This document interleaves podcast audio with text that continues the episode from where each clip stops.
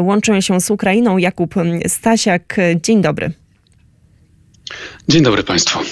Wczoraj jeszcze Bachmut, a dziś już Charków. Powiedz proszę, jak minęły Wam ostatnie 24 godziny? Jak wygląda sytuacja?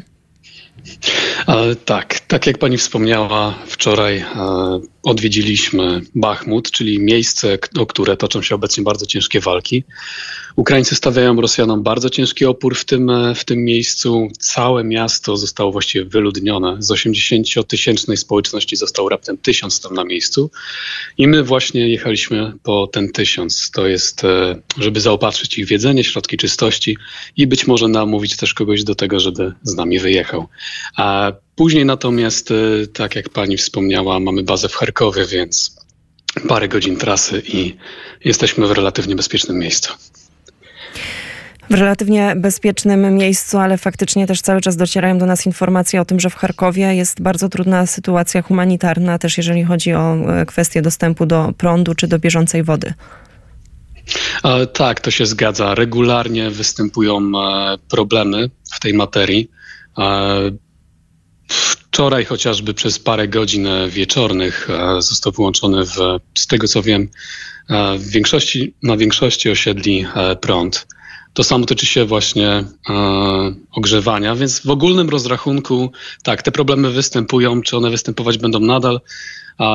Władze poszczególnych miast zalecają oszczędzanie energii, więc, więc wnoszę, że e, w najbliższe tygodnie powiedzą nam, e, powiedzą nam prawdę.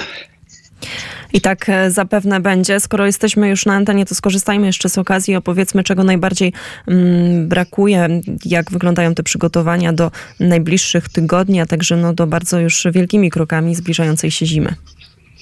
A jeżeli chodzi o mieszkańców e, tych miast, miejscowości, wiosek dotkniętych e, pożogą wojny, też w zależności od tego, czy to są miejsca wyzwolone, takie jak Kupiańsk chociażby, czy Izium, w którym też wczoraj byliśmy, a Bachmut, bo to są istotne różnice. W przypadku tych pierwszych ci ludzie powiedzmy, że mają względny dostęp do tych produktów. Sklepy zaczynają się powoli otwierać w tych miejscach.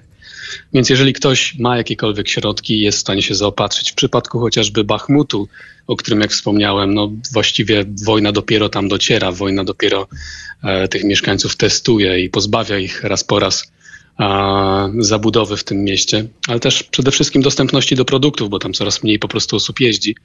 E, więc w tym przypadku te przygotowania myślę, że nie mają prawa w ogóle e, mieć miejsca.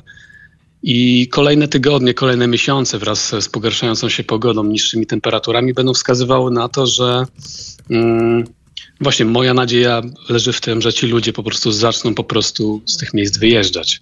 E, zgłaszać się, że, że potrzebujemy ewakuacji. W innym wypadku najpewniej będziemy mieli do czynienia z kolejną klęską humanitarną tej wojny. To powiedz proszę jeszcze, jak długo zamierzacie zostać na Ukrainie? Jakie są, jakie są też plany na najbliższe dni? E, tak, jeżeli chodzi o plany, jutro na przykład dostałem zgłoszenie do ewakuacji wioski pod Bachmut. Wioski, o której krążą bardzo różne informacje, często sprzeczne odnośnie tego, czy ona już jest w rękach Rosjan, czy nie. Więc przed ewakuacją ja oczywiście takie informacje sprawdzam, żeby po prostu nie wpaść e, w potrzask.